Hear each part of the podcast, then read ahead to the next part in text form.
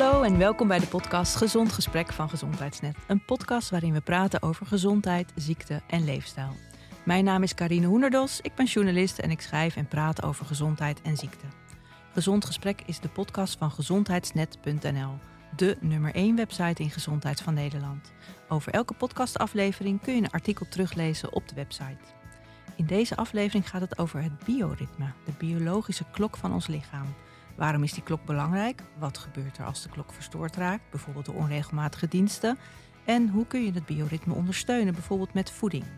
Mijn twee gasten vandaag zijn diëtist Ellie Kaldenberg en voedingswetenschapper Gerda Pot. Ze hebben zich verdiept in het bioritme. Hun boek over dat onderwerp verschijnt binnenkort. En vandaag geven ze alvast nadere uitleg en adviezen. Welkom, Ellie en Gerda. Fijn dat jullie hier zijn in Amsterdam. Dankjewel. Dankjewel. Bij de Dag- en Nachtstudio. Nou, zelden was een naam zo uh, toepasselijk. En um, Gerda, uh, jij werkt als voedingswetenschapper in Wageningen. En uh, um, bij de Alliantie Voeding. Ja, ik werk ja, technisch gezien in Ede eigenlijk. In Ede. De Alliantie ja. Voeding in de Zorg. En dat is een organisatie, is het kenniscentrum op gebied van voeding in de zorg. En in samenwerking met Wageningen Universiteit ook. Ja, oké. Nou, mooi. En nou, jij hebt je dus in dit onderwerp uh, verdiept. Uh, volgens mij niet momenteel, maar hiervoor. Maar zou jij ons kunnen uitleggen, mij kunnen uitleggen, wat de biologische klok nou eigenlijk precies is? Ja, de biologische klok is eigenlijk een uh, klein gebiedje in je hersenen dat ervoor zorgt dat alle processen in je lichaam op een zo'n optimaal moment mogelijk plaatsvinden. Dus als ik jou bijvoorbeeld midden in de nacht wakker maak en ik vraag jou een paar rekensommen te doen, dan zal je dat heel moeilijk vinden. Dus uh, die biologische klok zorgt ervoor dat je uh, bepaalde processen zo, op, zo, op, een zo best mogelijke manier kan uitvoeren. En dat geldt eigenlijk voor heel veel uh, processen in je lichaam. Die hebben eigenlijk een biologisch ritme. En daarnaast hebben we eigenlijk niet eens één biologische klok. Maar heeft bijna elke cel in je lichaam heeft ook een biologische klok. Oh. Dus het is, het, is, het is eigenlijk best een vrij complex systeem. En die communiceren met elkaar? Ja, die communiceren met elkaar. En uh, de, de klok in je hersenen is eigenlijk zeg maar de centrale klok. En de andere klokken noemen we de bijklokken of de perifere klokken. Ja. En je kunt een beetje het vergelijken met een orkest. Je hebt een dirigent uh, die ervoor zorgt dat het uh, in zijn geheel soepel loopt. En al de verschillende muzikanten, alle verschillende cellen in je lichaam, die hebben dus een eigen ritme. En dat probeer je dan samen te brengen in die centrale. In een mooie symfonie. In een mooie symfonie. Ah ja, oké. Okay. Ja. En waar zit die, uh, waar in je hersenen zit dat? Het, zit, uh, het is eigenlijk maar een heel klein gebiedje, net achter je hypofyse. En de hypofyse, oké. Okay. En ja. wat is heel klein? Uh, volgens mij een speldenknopje. Oh, heet, zo klein. Ja, en het heet de suprachiasmatische nucleus. Wow, nog, kun je dat nog één keer langzaam herhalen? Ja, de suprachiasmatische nucleus. Suprachiasmatische nucleus, oké. Okay. Mooi. En als die klokken dus op elkaar zijn afgestemd, dan doen alle lichaamsprocessen het goed. Ja. En, um, waar wordt... en, en, voor die klok om goed te werken heb je dus uh, input nodig. Ja. Is het zo dat niet uh, elke biologische klok precies uh, 24 uur is. Maar onze ja, sociale omgeving is dat wel. Dus je hebt ook altijd een beetje bijsturing nodig om die klok zo goed mogelijk te laten lopen. En de belangrijkste, dat noemen ze in het Duits Zeitgeber, tijdgever, ja. is uh, licht. Dus dat is eigenlijk de belangrijkste. Maar daarnaast is voeding uh, ook een, een belangrijke uh, tijdgever of Zeitgeber. Ja, oké. Okay. En hoe zit dat met licht? Um, Ellie, je zit zo heel aandachtig te luisteren. Maar uh, op wat voor manier kan licht uh, de biologische klok aansturen? Nou, licht zorgt ervoor dat je biologische klok eigenlijk gewoon ontwaakt. En dat hij gewoon de dingen kan doen die, zoals je ze moet doen. En um, ik denk dat dat al een heel leuk voorbeeld is. Bijvoorbeeld uh, in de zomer, dan, dan, dan is het wat vroeger licht. En vaak merk je dan ook al wel dat je energieker opstaat. En um, zodra het donker wordt, dan gaat jouw lichaam eigenlijk in rust. Dus je hebt echt een dag- en nachtritme. Waarbij je in het dagritme eigenlijk je dingen doet. Uh, we zijn dus ook dagdieren. En in de nacht moet jouw lichaam weer herstellen en eigenlijk weer opladen voor de volgende dag. En daar is licht dus een hele belangrijke factor in. Ja, oké. Okay. Ja. En um, wat is nou precies een natuurlijk bioritme? Want je zegt mensen zijn dagdieren. Hm. Wat is een normaal, tussen aanhalingstekens, wat zou een normaal ritme zijn? We hebben hier onlangs ook een, uh, een wetenschapper gehad die de oermens heeft uh, bestudeerd. Uh, wat is ons natuurlijk ritme van, van, van vroeger? Ja, weet je, dat werd dus gestuurd door licht. Kijk, Ja. want, want in principe, als je even helemaal Door terug gaat zonlicht naar. Ja, door zonlicht. Ja, ja, toen was er nog gewoon geen, eh, geen lamp natuurlijk. En ehm, als je dus even helemaal in de prehistorie, dan zodra het licht werd, gingen mensen eruit en, en werd er gejaagd en, en werd er voedsel verzameld. En ging je weer slapen als het donker werd. Eigenlijk is dat het meest natuurlijke ritme. Ehm, maar dat kennen we natuurlijk helemaal niet meer. Nee. Want het is de hele dag licht. Eigenlijk ja, raken we gewoon het licht kwijt. Want, want ga, nou, we zitten nu in Amsterdam, maar ga s'nachts over straat. Het is hier niet donker. We raken het donker kwijt. Oh, we raken het donker kwijt. Ja, Ja. precies. Ja. ja. ging net omgekeerd. het is altijd Ja, licht. het is altijd licht. Ja, Ja. ja. zeker. Ja. En, en wat doet dat dan met ons, Gerda? Dat het Ja. altijd licht is? Ja, eigenlijk sinds die uitvinding van het licht zie je dus ook van, eh, van, van de gloeilamp eigenlijk zie je dus dat mensen ook eh, op andere tijden zijn gaan eh, dingen zijn gaan doen. Dus opeens konden mensen ook s s'avonds of s'nachts gaan werken. Dus dat heeft wel echt een enorme impact op hoe we ons gedragen. En heeft dat dus ook impact op het bioritme? Ja, dat heeft zeker impact op je bioritme en ook op je gezondheid. Dus we weten dat mensen die eh, in de nacht werken of onregelmatig werken, dat die dus vaker gezondheidsklachten hebben dan mensen die dat niet doen. En hoe, hoe komt dat? Ja, door die verstoring van die biologische klok. Dus, dus als jij niet in je eigen natuurlijke ritme gaat, eh, dingen gaat doen, dus eigenlijk dat tegenin gaat werken, dan krijg je dus echt verstoringen. En dat kan leiden tot, tot gezondheidsproblemen. Ja. En wat voor gezondheidsproblemen dan bijvoorbeeld? Nou, dat kan echt van alles zijn. Het kan hoger risico zijn op overgewicht, maar ook zelfs op diabetes of eh, in het ergste geval soms zelfs kanker. Maar wij praten het hier wel over risico's natuurlijk. Ja. Ja, ja, Ja. niet zo dat als je nachtdienst hebt dat je dan Nee. kanker of hart- en vaatziekte of Nee. diabetes krijgt. Maar dat zijn de lange termijn risico's. En korte termijn is ook wel dat je natuurlijk jezelf minder fit voelt, minder energiek, vaker eh, darmklachten, ehm, ja, dat soort dingen. Ja, oké. En, en Ellie, jullie zijn, eh, jullie hebben je verdiept in hoe je daarmee om kan gaan. Hè, met Ja. als, je een, als je een verstoord bioritme hebt. Misschien eigenlijk dus het beter, probeer zoveel mogelijk het natuurlijke ritme aan te houden. Ja. Maar als het niet anders kan, Ja, klopt. eh, Klopt. dan kun je wat doen. En eh, jij zei al, Gerda, aan het begin van voeding kan daarbij helpen. Hoe kan dat dan? Ja, weet je, voeding is, speelt een hele belangrijke rol. Want ehm, bedenk even als je in, in de ploegen werkt. Hè? Dus je, je hebt vroege diensten, je hebt late diensten en je hebt nachtdiensten. Ehm, ons lichaam, omdat we dagdieren zijn, die, hele spijsvertering werkt wat anders s'nachts. En eh, toch heb je het gevoel van, ja, maar ik ben hard aan het werk. Ik moet wel eten, weet je. En, en eh, vaak zit er dan ook een stukje van, ja, maar ik ben aan het werk als anderen slapen. Dus ik mag al wel wat extra's hebben. Maar je lichaam gaat daar heel anders mee om. En juist door daarnaar te kijken van, hé, hey, welk eten heb je op welk moment nodig? En wat doet dat bijvoorbeeld op, op slaap? Want dat is best wel een hele interessante. Want ehm, zoals Gerda aangaf, je hebt effecten. Dus diabetes, hart- en vaatziekten, eh, overgewicht. Maar de korte termijn effecten, die ervaar je eigenlijk het meeste. Weet je, laatst zei iemand tegen mij, die, die werkte nu sinds kort in de, in de dagdiensten. Ik heb nooit gedacht dat ik me zo weer zou kunnen voelen. Zoveel meer energie. Dus eigenlijk eh, eh, wat je heel veel ziet met mensen in onregelmatige dienst... is dat ze korter slapen, meer vermoeid zijn. En meer vermoeid is ook vaak eh, wat, wat ander eetpatroon. hè. Je bent wat, wat makkelijker geneigd eh, naar, naar snoepgedrag. Zeg maar. Dus het hangt allemaal met elkaar samen. Ja. Ja. Dus eigenlijk is het best wel ongezond om eh, onregelmatig te werken. Ehm, ja, uiteindelijk. Ja, je werkt tegen je ritme in. Ja. Ehm, kijk, en, en ehm, dan hebben we het over nachtdiensten. Maar je kunt hem ook iets breder trekken. Want je hebt natuurlijk ook ochtendmensen. Nou, we hadden het er net over. Ik ben superavondmens. Eh, als ik als superavondmens een hele vroege dienst zou moeten draaien... En, en om vijf uur mijn bed uit moet...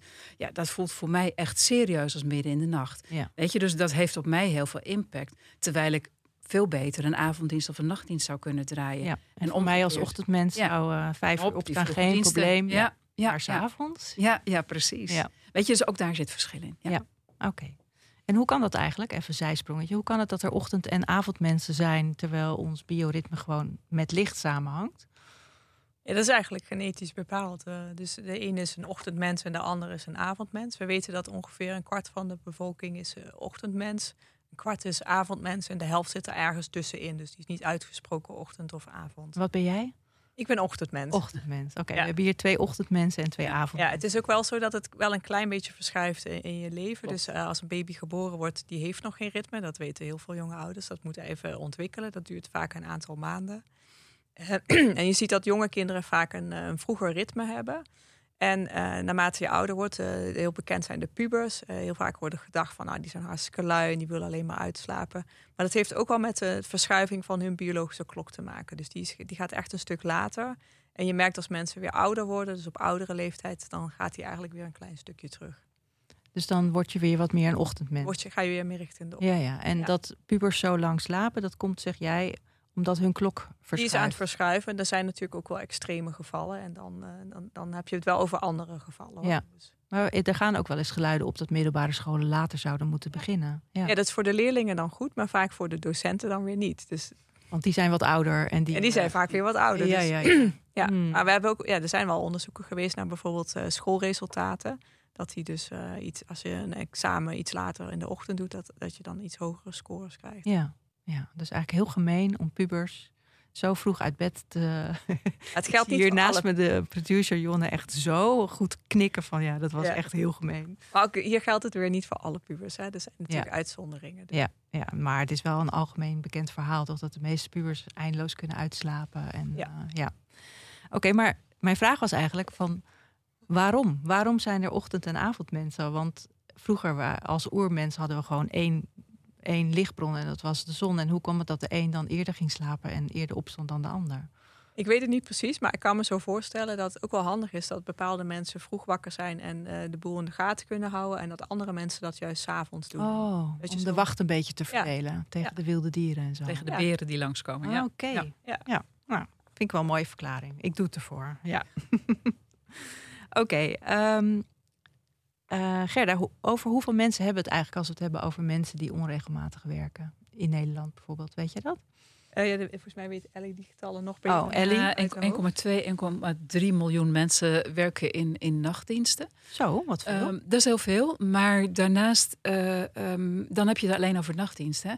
Maar daarnaast is het percentage wat onregelmatig werkt echt wel veel groter. Op dit moment zitten we wel een beetje al, al boven de helft van de beroepsbevolking die onregelmatig werkt. En onregelmatig werkt is dus niet tussen, tussen 9 en 5.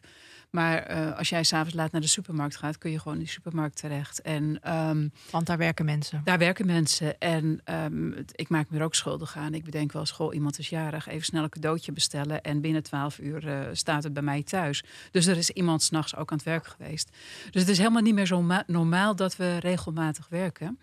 En wat je ook gezien hebt met, met de corona die we natuurlijk gehad hebben, is dat die onregelmatigheid aan de ene kant eh, voor sommige mensen prettig is. Hè? De, de ochtendmensen hoeven niet meer voor dag en dauw uit hun bed en, en kunnen daar hun tijden op aanpassen. Maar het werk is wel onregelmatiger nog geworden. Ja. Ja.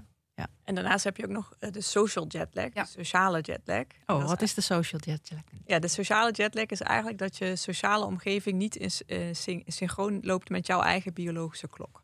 Dus stel jij hebt 's ochtends een wekker nodig om wakker te worden, dan is eigenlijk jouw natuurlijk ritme is om iets later wakker te worden. En je ziet dus heel veel mensen die eh, door sociale activiteiten eigenlijk in een ander ritme gaan leven dan ze eigenlijk zouden moeten doen. En dat zijn er nog veel meer mensen eigenlijk. Ja. Oké, Ja. dus eigenlijk überhaupt als je een 's ochtends een wekker nodig hebt, Ja. dan leef je al niet volgens je eigen bioritme. Ja, dan, dat denk ik wel, ja. Ja. Ja. Hmm. Ja, misschien is het ook wel een leuk voorbeeld om te geven met die social jetlag. Want heel vaak ehm, hebben we dat helemaal niet in de gaten, maar veroorzaak je het ook wel zelf. Als jij bijvoorbeeld ehm, de hele week voor je werk vroeg uit bed moet. Hè, du- du- dus je, stel je bent avondmens en je moet wel de hele week om half zeven op. En dan op vrijdagavond denk je van nou, lekker even doorhalen, even lekker been op tafel en, eh, en later naar bed. Zaterdag sta je later op, zondag sta je ook weer later op. En dan probeer je zondagavond op tijd naar bed te gaan. Maar dan slaap je dus niet op dat moment. Ja. En vervolgens moet je maandagochtend wel vroeg naar bed. En uiteindelijk. Vroeg is- opstaan. Vroeg opstaan, ja. Ja. precies. En uiteindelijk is dat een beetje hetzelfde als een gewone jetlag. Hè? Je, je vliegt eigenlijk over wat tijdzones heen en je moet weer terugdraaien. Hmm. En dat is dat, dat lamme gevoel op maandag, die maandagkater. Ja. Ja.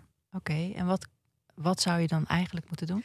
Ja, je kunt daar wel wat aan doen, maar dat is wel een super saai advies. Hè?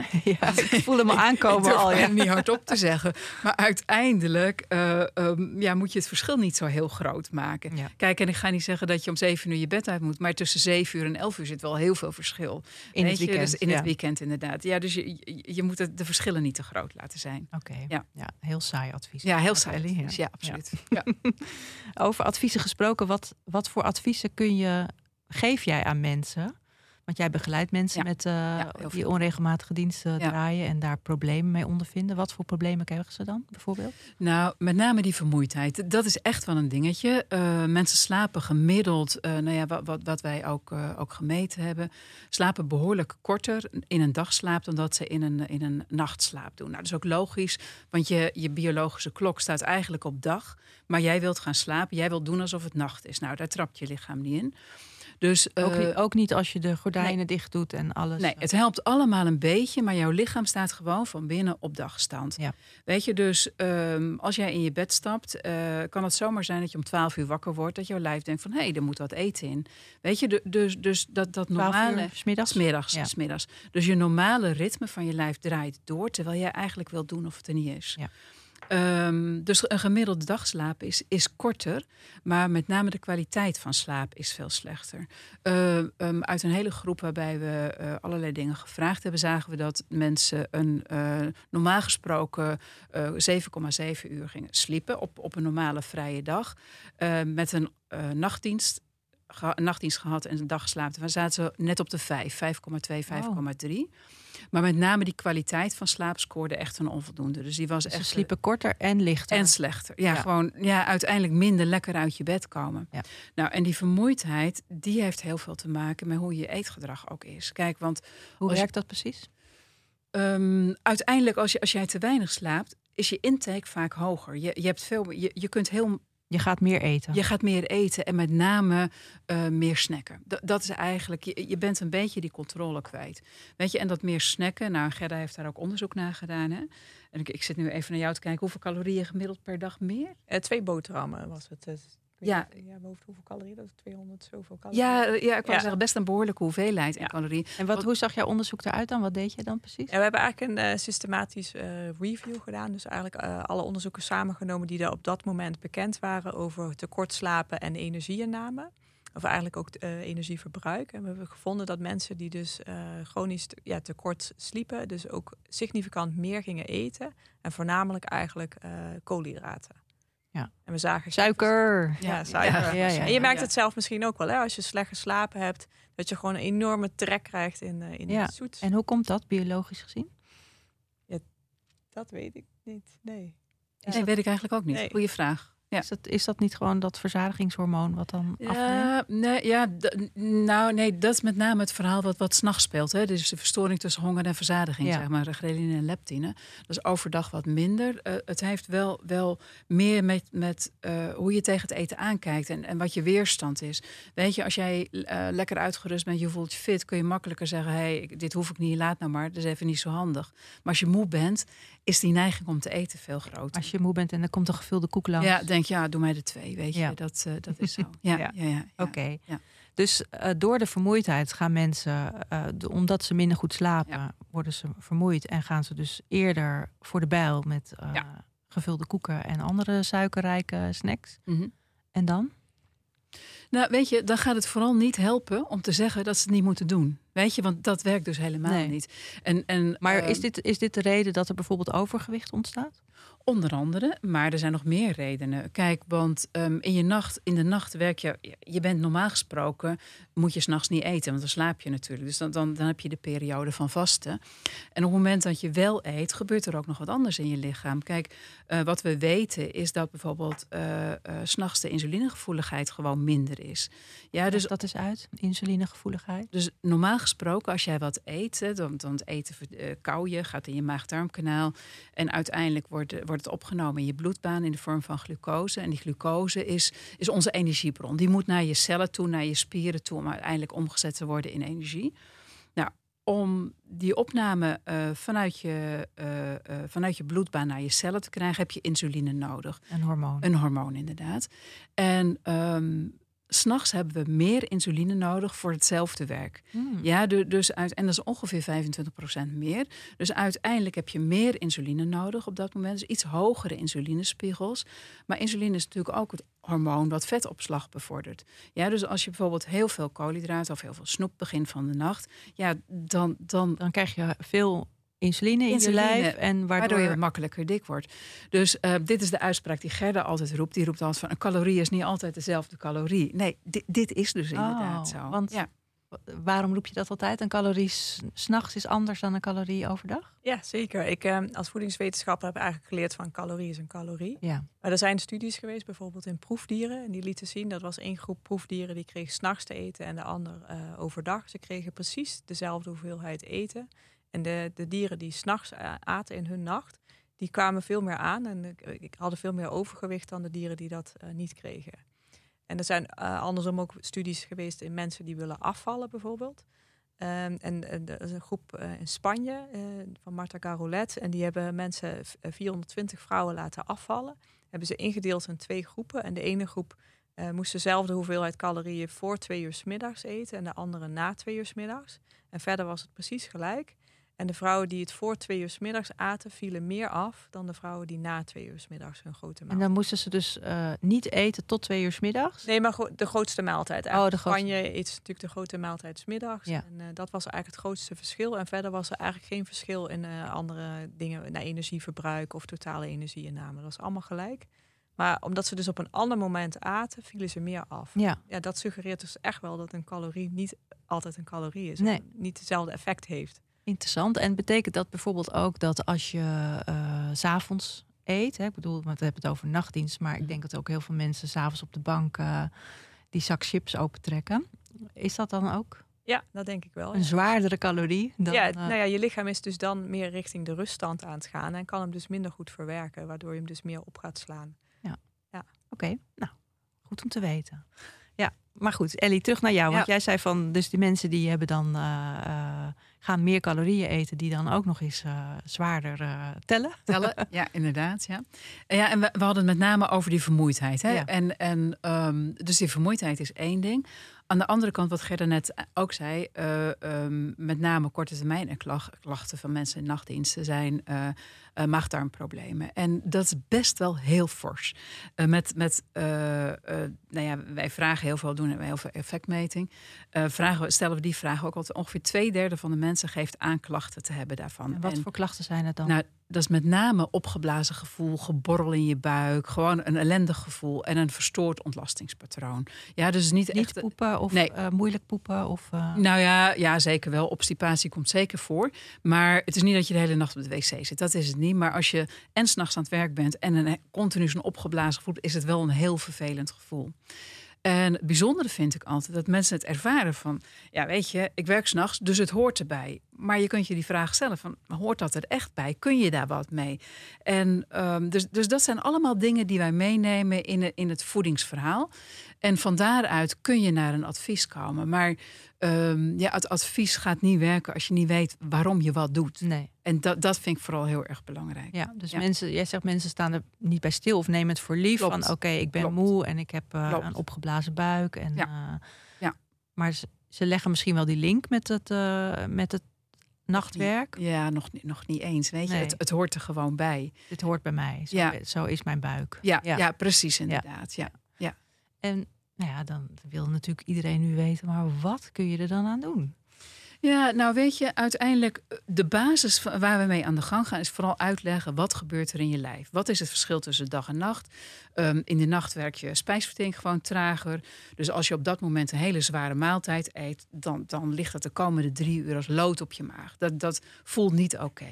Dus, dus vooral informatie geven van wat gebeurt er, hoe zie je dat, Eh, wat verandert er in je lichaam ten opzichte van de dag als je s'nachts werkt. Maar geef eens een voorbeeld. Wat zou je bijvoorbeeld niet moeten eten en wat kun je beter wel eten Nou, dat, als je ehm, nachtdienst hebt? Ja, als je nachtdienst hebt. Ja, ja. ja. Nou, weet je, op dit moment is, is met name, wordt er gezegd, je moet gezond eten. Tuurlijk, ik ben hartstikke voorstander van gezond eten. Maar ik, ik wil hem benadrukken, het gaat met name over goed eten. En goed eten betekent het juiste eten op de juiste tijd. En eh, wat overdag gezond is, is s'nachts niet per se goed. Weet je, even als voorbeeld, ehm, als je om s'nachts, uh, nou peulvruchten, hè, hartstikke gezond. Ik ben ook helemaal peulvruchtenfriek. Maar als je s'nachts een flink bord peulvruchten eet, dan mag ik hopen dat een raampje ergens open kan. Want dan krijg je er echt super veel last van. Ja, dus dat is niet heel ideaal.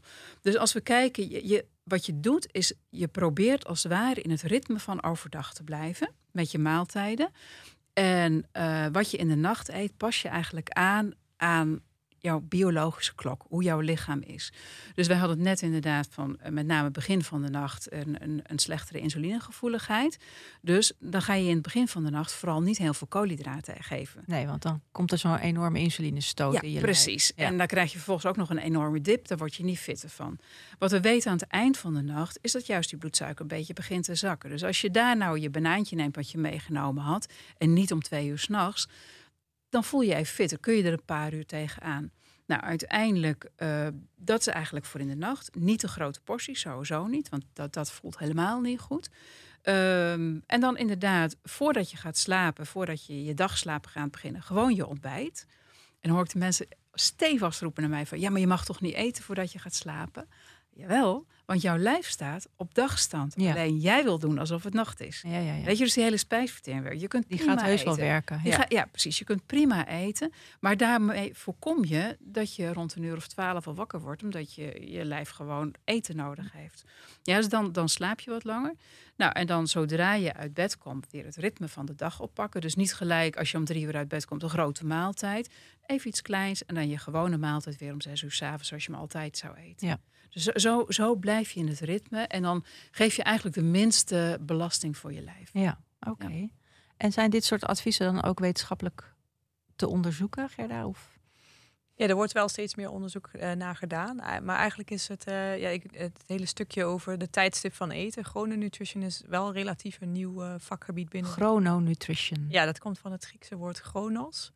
En er wa- was al langer de chronobiologie. Maar echt die combinatie met voeding eh, is, ja, dus wat Chrono is tijd, nutrition is is voeding. Ja, Ja, ja. En dat naam. Ja. ja, dat Of eigenlijk heel ouderwets natuurlijk, met dat Grieks en zo. Ja. ja.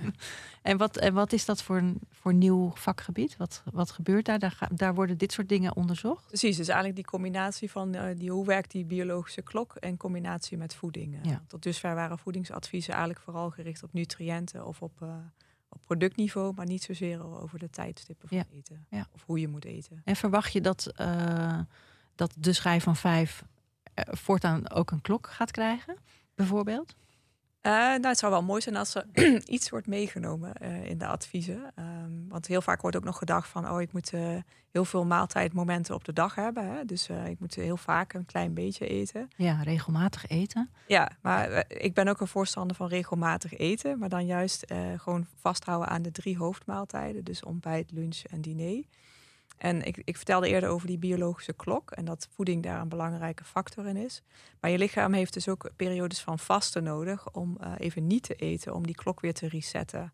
Dus als je de hele dag door eet. Dan raakt die biologische klok ook een beetje in de war. Hmm, dus tussendoortjes zijn eigenlijk niet zo geschikt. Nee, eigenlijk niet zo. Nee. Oké, dus drie maaltijden per dag. S'avonds liever niet eten. S'avonds liever niet. Dat is wel inderdaad anders dan wat er eh, veel wordt eh, gezegd. En geldt dit bijvoorbeeld ook voor kinderen? Ik denk even aan hun eh, verplicht tien uurtje op school. En, Ja, daar heb ik ook wel aan gedacht, inderdaad. Ik denk eigenlijk als je kinderen gewoon een goed gevuld ontbijt geeft, dat dat tien uurtje eigenlijk niet nodig is. nee. Oké, afschaffen iedereen. Geeft ook een hele heel hoop gedoe minder, toch? En die broodtrommeltjes. Eh, ja. Oké, maar interessant. Dus ehm, En wat je ook ziet is dat Nederlanders eigenlijk steeds meer calorieën uit eh, tussendoortjes zijn gaan eten. Dus 50 jaar geleden eh, had je eigenlijk gewoon eh, je ontbijt, je lunch en diner. Maar tegenwoordig halen we ongeveer een derde van onze hoeveelheid calorieën halen we al uit tussendoortjes. Dus dat is eigenlijk best wel heel veel. ja, superveel. Ja, en hoe komt dat? Ja, door, ja dus omdat het leven eigenlijk veel onregelmatiger is geworden. Dus eh, we hebben, misschien komt het op de, dat m- meer mensen buiten de deur zijn gaan werken. Niet meer thui- naar huis gaan voor de warme lunch, zoals die vroeger gegeten werd. Ja, en daardoor vaker tussendoor zijn gaan eten. Ja. En betekent het ook dat je dan, als je die drie maaltijden per dag gaat doen, dat je dan wat meer moet eten? Beide maaltijden dan? Bedoel Eh, dat je echt ge- goed gevuld bent eigenlijk, ja. Dat je verzadigd bent. En eh, Ja. dat doen, doen volgens mij heel veel mensen niet meer. eh, die eten wat minder. En, eh, ja. Maar Ja. misschien kan je beter eten tot je echt vol zit, ja. Ja, die eten dan twee boterhammetjes achter de computer. En, eh, Ja, maar krijgen daarnaast vaak snel weer honger. En dan krijg je dat, die, die, dat snaaien eigenlijk. Ja. En dit is dus ook een vorm van het verstoren van je bioritme. Ja. Terwijl je dan niet nachtdienst hebt, of, eh, Precies. maar je geeft je lichaam niet de rust die het nodig heeft. Ja. Hm, Interessant, interessant. Ja. En ehm, Want we hebben het over nachtdiensten gehad en onregelmatige diensten. Nou, jij zei al wel, er zijn heel veel mensen. Maar hoe zit het nou met, uh, en we hebben het over sociale jetlag gehad. Uh, ik kan me voorstellen dat er ook wel uh, situaties zijn in het gewone leven, zoals baby's, kleine kinderen. Hoe zit het daarbij? Heb je dan ook een verstoring van je biologische klok? Kijk, wie gaat antwoorden inderdaad. ja, maar dat heb je zeker wel. Um, kijk, want als jij avondmens bent en, en jouw baby is uh, super ochtendmensje, dan ben je, daar zit een, een paar uur verschil tussen. Dus ja, dan ben je wel continu je biologische klok aan het, uh, aan het verstoren. En um, ik denk dat de ouders die nu zitten te luisteren dat ook zeker ervaren um, dat, dat je hele eetpatroon ook een beetje chaos gaat worden. Want um, nou ja, als avondmens dan zit je niet per se te springen om een heel groot ontbijt uh, om half zeven s morgens, bij wijze van spreken. Dus uh, de baby, het kindje gaat, gaat voor. En dan later, oh ja, ik moet nog ergens eten. En uiteindelijk verschuift je hele ritme ook. Ja. ja. ja. ja. Dus dat is ook weer een verstoring van het bio. ook weer een verstoring van bio. Mm, het echt... grappige is met jonge kinderen is eigenlijk dat je al eigenlijk je wordt geleerd rust, reinheid, regelmaat. Hè? Dat krijg je vaak te horen als jonge ouder. Ja. En dat consultatiebureau. Op het consultatiebureau. Ja. En dat pas Zeggen ze dat echt nog steeds? Ik denk so, sommige plekken nog wel, ja. ja en uh, ja, als dat goed is voor je kinderen, dan, ja, dan is het waarschijnlijk misschien ook wel goed voor jou. Ja. Dus. Maar eigenlijk doen we het zelf niet meer zo. Nee. Oké, okay, dus jullie pleidooi is echt voor zorg voor die regelmaat. En luister naar dat bioritme van je, van je lichaam. Ja, maar wel je eigen regelmaat. En ik denk dat daar een hele belangrijke nuance in zit. Um, jouw regelmaat als ochtendmens is niet mijn regelmaat. Sterker nog, daar zou ik super ongelukkig van worden. Ja. Dus als ik in jouw regelmaat ga leven, ga ik volledig tegen mijn eigen ritme in. Weet je, dus je moet wel heel erg op zoek naar je eigen regelmaat. En dat is belangrijk om die vast te houden. En als je dat ook weer naar het onregelmatige werk toe, toe brengt. Hè. Dus um, even, even als voorbeeld. Ik als avondmens, ik ontbijt later, ik lunch later, mijn avondmaal is later. Als ik nu in de nacht zou gaan werken, dan heb ik, verbruik ik ook extra energie. Weet je, er wordt ook gegeten. Um, maar je hoeft niet zo heel veel te eten. En wat je eet, pas je aan aan je biologische klok. Ja. Maar dat is dan mijn regelmaat en het hoeft niet die van jou te zijn. Nee. En hoe kom je er dan achter wat jouw regelmaat is? Ja, ik bedoel, je weet wel of je een ochtendmens of een avondmens bent. Maar met, die, met onregelmatige diensten lijkt me dat best wel een puzzeltje. Ja, ja, ja. Nou ja, sterker dat nog. gaat natuurlijk in jullie boek staan. Ja, dat gaat, ja sterker nog, dat staat er gewoon in. Ja, zeker. Um, nee, maar goed, ook, ook daar is wat van te zeggen. Je hebt heel veel vormen van onregelmatige diensten. Dus je hebt uh, onregelmatige onregelmatigheid. En je, je hebt uh, de vijf ploegen, waarbij je inderdaad uh, twee ochtend, twee middag, twee, twee nacht en dan een aantal dagen vrij bent. Um, uiteindelijk het meest ideale zou zijn als jij gaat kijken van wat past bij mij. Dus bij mij als avondmens zouden vroege diensten zouden een drama zijn. Ja. Ja? Dus dat, die zou ik eigenlijk helemaal niet moeten hebben. Maar zo zit ons systeem vaak niet in elkaar natuurlijk. Hè? Nee, dus maar werkgevers zouden eigenlijk moeten kijken van wat, welk ritme past bij jou. En ja, dan de ochtendmensen ja? de vroege diensten geven. En, uh... ja, ja, aan de andere kant de ervaring is wel zo, als je dat doet, uh, dat er niet per se om gezondheid zelf geroosterd wordt. Maar, maar dat vooral geroosterd wordt van, oh ja, maar hier wil ik een voetbalwedstrijd zien. En daar, uh, goh, ik heb eigenlijk wat extra geld nodig, dus ik draai wat extra nachten. Ja. Dus het is niet per se dat het uitkomt in gezond. Dus daar zit nog wel een heel stuk van informatievoorziening en voorlichting bij. Ja. Wat bedoel je daarmee? Nou, dat je vooral wel mensen meeneemt waarom je wat doet. Ja. Weet je, en uh, als, als het alleen is om, om jouw sociale stuk op te lossen, ja, dan ga je eigenlijk helemaal voorbij aan je eigen gezondheid. Ja. En dat is super jammer. Ja, ja. dus kijk bij die planning wat meer naar je eigen ritme en dan Ja. pas naar die voetbalwedstrijd. Ja, of en dan zou het verjaardag. echt heel erg helpen. Ja. Ja. Oké, goed. Ehm, ik heb nog een vraag over melatonine, want dat zie je ook, Hm. kom je ook heel vaak tegen als het gaat om eh, biologische klok herstellen, jetlag, noem maar op. Wie van jullie kan daar iets over zeggen? Ja, we zijn er allebei niet heel erg Nee, gespecialiseerd in. Nee. Nee. nee. Want wat wil je weten over mij? Nou ja, wat, wat is het om te beginnen en heeft het zin om dat te slikken of niet? Ja, het, het is het hormoon van de nacht. Hè? De- dus het is het hormoon inderdaad wat in de avond aangemaakt wordt. En eh, ehm, nou, je melatonine gaat in de avond en nacht omhoog uiteindelijk. En je cortisol gaat naar beneden. En zo tegen de ochtend dan verschuift dat. Hè? Dan gaat je cortisol, je stresshormoon gaat, eh, gaat omhoog. En je melatonine gaat naar beneden. En melatonine maakt je slaperig. Ja, maar bereid je meer voor op te slapen uiteindelijk. Ehm, wij zijn beide geen, geen melatonine-expert, dus ik denk dat we daar ook, ook eigenlijk geen antwoord op moeten geven. Uh, maar, maar heel kort kan ik er wel iets over zeggen, omdat het wel heel veel geslikt wordt. Maar het wordt wel heel veel ten onrechte geslikt, zonder dat mensen überhaupt weten wat het nog meer in je lijf doet. En um, ik, ik kom echt enorm hoeveelheden tegen dat mensen slikken. En uh, mijn enige, als ik die vraag krijg ook, weet je, laat het onderzoeken. Ga gewoon kijken van, want het heeft heel erg met je eigen melatonineproductie te maken. Wanneer start je op? Wanneer heb je wat nodig? En zijn het al vaak veel lang, lagere doseringen. Dus daar moet echt een specialist aan te pakken ja, komen. Dus ja, mensen, en als je het verkeerd gebruikt, dan kan het ook ja, zelfs tegenwerken. Ja. Dus, uh, ja, dan word je er wakker ervan. Of, ja, eh? dus je kunt het, ja, je zou het niet eigenlijk zomaar moeten slikken. Nee, nee. Oké. Nou. Dus de 1 plus 1 gratis bij de drogist is niet een goed idee. Nee.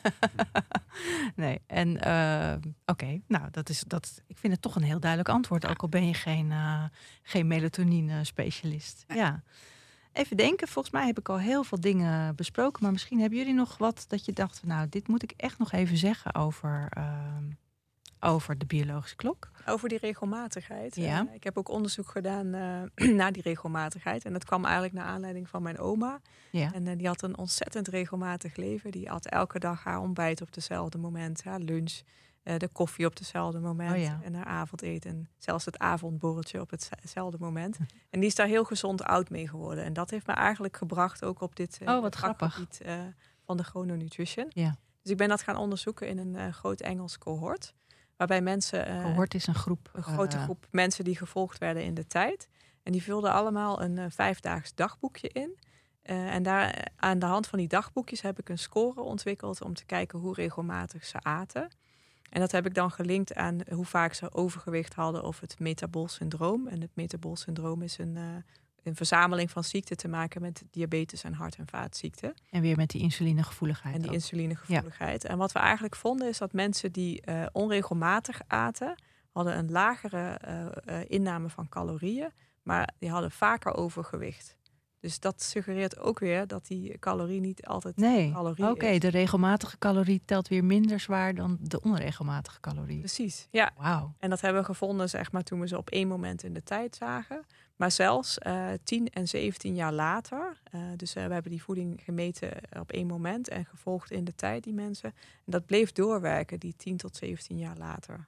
Bedoelde je dat ze zo onregelmatig bleven eten of dat het effect? Ook, maar dat effect uh, zagen we dus 10 tot 17 jaar later hadden ze nog steeds vaker overgewicht oh, of ja. vaker het, ja, het metabolsyndroom. Ja, oké. Okay, dus die regelmaat echt heel belangrijk. Is echt heel belangrijk. Oh, wat, ja. wat, het is best wel saai wat jullie voorstellen. Ja, ja. ja. en dat was natuurlijk observationeel onderzoek, dus daar kun je geen oorzaak-gevolg ja. uithalen, maar ja, het, het geeft wel een richting aan. Ja. En, uh, en het feit dat we dus onregelmatig leven en veel snacken, uh, de lampen s'avonds aandoen, dat alles heeft uiteindelijk effect op onze biologische klok. Ja, en zelfs dat mobiele telefoontje met dat blauwe licht, dat doet ook iets met je biologische klok en houdt je ook weer wakker. Ja. ja. ja. Oh, we moeten de maatschappij anders inrichten. Dat is al een heel groot uh, plan, zeg maar. Ja, ja. maar we, ja, wat kunnen we doen? De gemiddelde mens die hier naar luistert, wat kun je doen om je eigen biologische klok goed te laten werken. Ja, weet, weet je, um, ik wil eigenlijk nog even, even één stapje terug inderdaad. Ja. Want jij, jij zei net van, hé, hey, uh, um, wat, wat wil je nog aan toevoegen? We hebben het in het begin gehad over, over slaap. Dat mensen juist wat meer vermoeid zijn en daardoor ook verkeerd gaan eten. Wat we gezien hebben bij, bij uh, effectmetingen van, van hele grote groepen... is dat mensen gemiddeld een uur langer gaan slapen... als ze hun voeding beter regelen in, in dus die regelmaat. Ja, oh. En dat zijn wel hele interessante gegevens. En bovendien gaat de kwaliteit van slaap omhoog.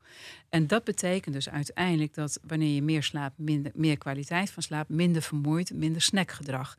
Weet je, dus um, dat is ook hetgeen waar ik me vooral heel erg mee bezig hou. Dus niet zozeer het, het gezonde voedingsverhaal, maar inderdaad, wat kun je met voeding doen op slaap? Dus dat is één ding wat ik nog wel even toe wil ja. voegen eigenlijk aan het geheel. Dus dat regelmatige eten wat jouw oma deed, zorgde er ook voor dat ze beter sliep. Ja, nou ja. En niet alleen je oma, maar mensen ja. in het algemeen. Nou ja, met name de mensen die de nachtdiensten draaien. Ja. ja dus, dus dat die dagslaap gewoon beter wordt. Ja. Dus dat is heel interessant. En wat ik op dit moment ook ontzettend. eh, Ja, sommige, sommige dingen hypen natuurlijk als een malle altijd. En eh, ja, op dit moment zie ik allemaal eiwitrijke producten in de nacht. Want eh, van ei, je moet vooral eiwitten hebben. En ik kom er heel veel mensen tegen die eiwitrepen eten en eiwitshakes drinken in de nacht. Weet je, ook dat is natuurlijk ja, eigenlijk een beetje nonsens. Maar als jij je koolhydraatgehalte in je voeding naar beneden brengt. en je weet dat vet heel zwaar valt. verhoudingsgewijs is je eiwitpercentage dan iets hoger in je voeding. Maar dat wil niet zeggen dat je, dat je eiwitshakes moet gaan nemen in de nacht. Dus dat is ook nogal interessant om even, even te melden. Ja. Maar ja, eigenlijk is het eh, regelmaat brengen in de onregelmatigheid en in je eigen ritme. Dat, dat is eigenlijk een van de belangrijkste dingen. Ja. En, en met veel meer effecten dan veel mensen zullen denken. Ja, Ja. ja, Dus ja, op je spijsvertering, op je, op, op je gewicht, Ja, op je maagdarmproblemen, slaap, ja. op, je, op de lange termijn problemen die je zou kunnen krijgen. Ja, ja, kijk, en dat kunnen we natuurlijk nu nog niet meten. Hè. Ik bedoel, dat, dat, daar, daar gaan heel veel jaren overheen. Maar we zien inderdaad ook, nou, maag-darmprobleem, het opgeblazen gevoel wordt echt een stuk minder. Weet je, en, en dat maakt het allemaal draaglijker. Dat, Ja. dat maakt het fijner.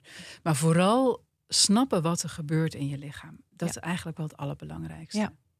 En Gerda, dat, dat, eh, dat onderzoeksgebied van die chrononutrition, wat verwacht jij daarvoor voor de, in de toekomst? Ja, ik zie een enorme vlucht hierin. Dus er komt steeds meer onderzoek naar. En het, ja, het, het, het, het belang wordt steeds meer erkend. Dus eh, ik, ja, ik hoop dat het zich uiteindelijk ook gaat vertalen in eh, wat richtlijnen. Maar Ja. het neemt wel. enorm dat wat ik zei van de, een klok bij de schijf van vijf, dat zou Een echt klein wel... klokje, maar in ieder geval ja, daar wel, ja, dat er wel aandacht voor is. Ja. Ja. Oké. Nou, wat een mooi gesprek, dankjewel. Want met, met hele praktische adviezen voor iedereen, denk ik. Niet alleen als je onregelmatig werkt, maar dat je drie maaltijden per dag moet eten. S'avonds niet te veel moet eten. Eh, luister naar je biologische klok en Ja. zoveel mogelijk eh, daaraan gehoor geven. Puurs later naar school sturen. Kinderen geen eh, tien uurtje meer meegeven. Echt, de wereld staat op zijn kop na deze, na deze podcast. zeker. Ja. nou, dank jullie wel voor dit gesprek. Heel graag gedaan. Graag gedaan. Oké, je luisterde naar Gezond Gesprek, een podcast van Gezondheidsnet, gepresenteerd door Carine Hoenedos en met producer Jonne Seriese. De Jurlings maakte voor ons de tune. En wil je meer weten over het onderwerp van deze podcast? Kijk dan zeker op gezondheidsnet.nl. En wil je reageren? Dat kan, dat vinden we heel erg leuk. Je kunt reageren via Vriend van de Show, gewoon een high five geven, een opmerking achterlaten of een extra vraag stellen. Alles kan. Vriend worden van Gezond Gesprek kan ook, al voor 1,50 per maand. Kijk op vriendvandeshow.nl en zoek naar Gezond Gesprek. We zijn verder heel blij als je deze podcast deelt, bijvoorbeeld onder je vrienden of via social media. Dan kunnen meer mensen onze podcast vinden. Tot de volgende keer, tot het volgende Gezond Gesprek.